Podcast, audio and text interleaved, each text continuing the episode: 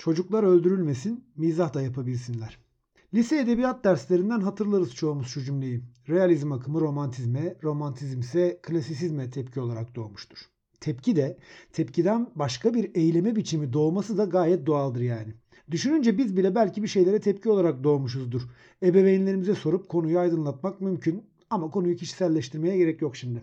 Benim derdim şunu söylemek. Eski her zaman yeniyi doğuracak. İçinde eskiden bazı nüveler de barındıran yeni de bir süre sonra eskiyecektir. Antik Yunan filozofu abimizin de gayet veciz ifadesini bir kez daha yad etmeden geçmeyelim. Her şey değişir. Değişmeyen tek şey değişimin kendisidir. Hayatın hangi alanında olursa olsun yeni hiçbir zaman yepyeni değildir. Yukarıda da söylediğim gibi içinde muhakkak eskinin bir takım özelliklerini ve hatta doğrudan eskinin araçlarını barındırır. Kendi başına ve kendinde aniden var olan, yüzer gezer, tarih ve toplum dışı bir yeni arayanların hüsrana uğraması mukadderdir. Aynı şekilde eskiyi donmuş bir şekilde muhafaza etmeye çalışanlar da derin bir hayal kırıklığıyla baş başa kalacaklardır. Zira böyle bir çabada eşyanın tabiatını inkar etmekten başka bir anlama gelmez. Konu ister sanat, ister siyaset ya da hayatın başka bir yönü olsun. Aynı eyleme biçiminin, ürünlerin ya da toplam üretimin yani kısaca kültürün aynı anda var olan üç biçimi vardır. Ölmekte olan, egemen olan ve yeşermekte olan. Ölmekte olan tabii ki direnecek. Egemen olan gücünü daha da arttırmaya çalışacak. Yeşermekte olan ise egemen olanı öldürüp onun yerine geçmek için olanca gücüyle mücadele edecektir. Sanatta da bu döngü hep yaşanmış, bundan sonra hep yaşanacaktır. Öyle olmasaydı hala duvar resimleri çiziyor ve çok çok çok eski atalarımızın şimdi tek bir özelliğini dahi bilmediğimiz muhayyel şarkılarını terennüm ediyor olurduk. Bu naçiz fikirlerimi ifade etme sebebim geçen hafta epeyce tartışılan ve tarihe Zafer Algöz hadisesi olarak geçen olay. Cem Yılmaz'ın senaryosunu yazıp yönettiği 8 bölümlük Erşan Kuneri adlı dizi Netflix'te yayınlandıktan sonra bazı izleyiciler beğenilerini, bazıları ise eleştirilerini sosyal medya marifetiyle dile getirdiler. Bir dizinin beğenilmesi de beğenilmemesi de gayet normal.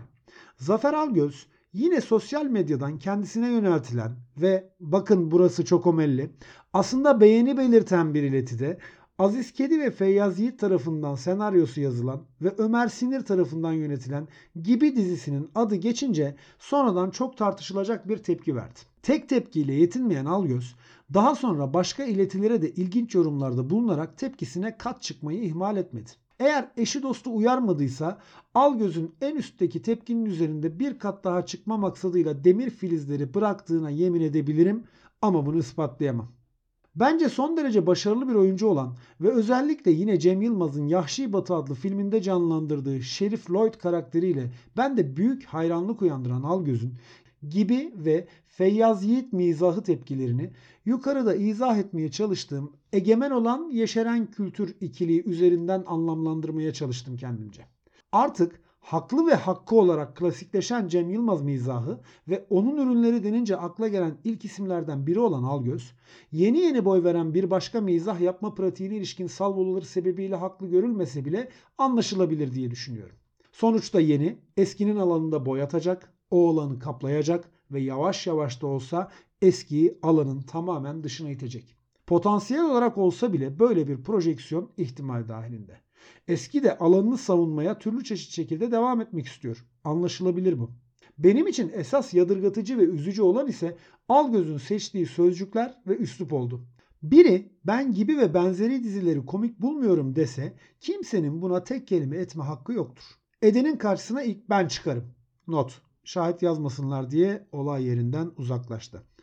Ama fırın fırın ekmek, kilo kilo boyoz yedirmeler, geniş kitleler tarafından çok sevilen ve gülünen bir başka komedyenin mizahını emoji marifetiyle aşağılamalar gibi davranışlar doğrusu benim aklıma da vicdanıma da pek yatmadı. Tarih boyunca bir direniş mekanizması olarak da kullanılan, köklerinde toplumsal işbirliği ve birlikte yaşama pratikleri de bulunan mizahın tartışılmasındaki bu dil ve üslubu biz başta siyaset olmak üzere başka alanlarda yeterince görüyoruz ve artık bu dilden ve üsluptan ikrah ettik desek yeridir. Kimse yoğurdum ekşi demediği gibi hiçbir yoğurt taciri de rakibinin yoğurdunu övmez. Ayrı mevzu.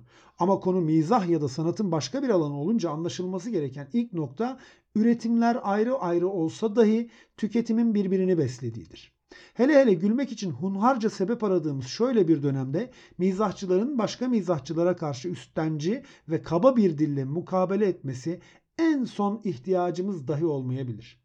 İnsani değerlere halel getirmeden, ırkçı ayrımcı söylemlere başvurmadan insanları güldüren ya da en azından iyi niyetli bir çabayla güldürmeye çalışan her mizahçı en azından benim başımın tacıdır. Çok sıkıntılı zamanlardan geçiyoruz ve gülmek öyle ya da böyle iyi geliyor hepimize.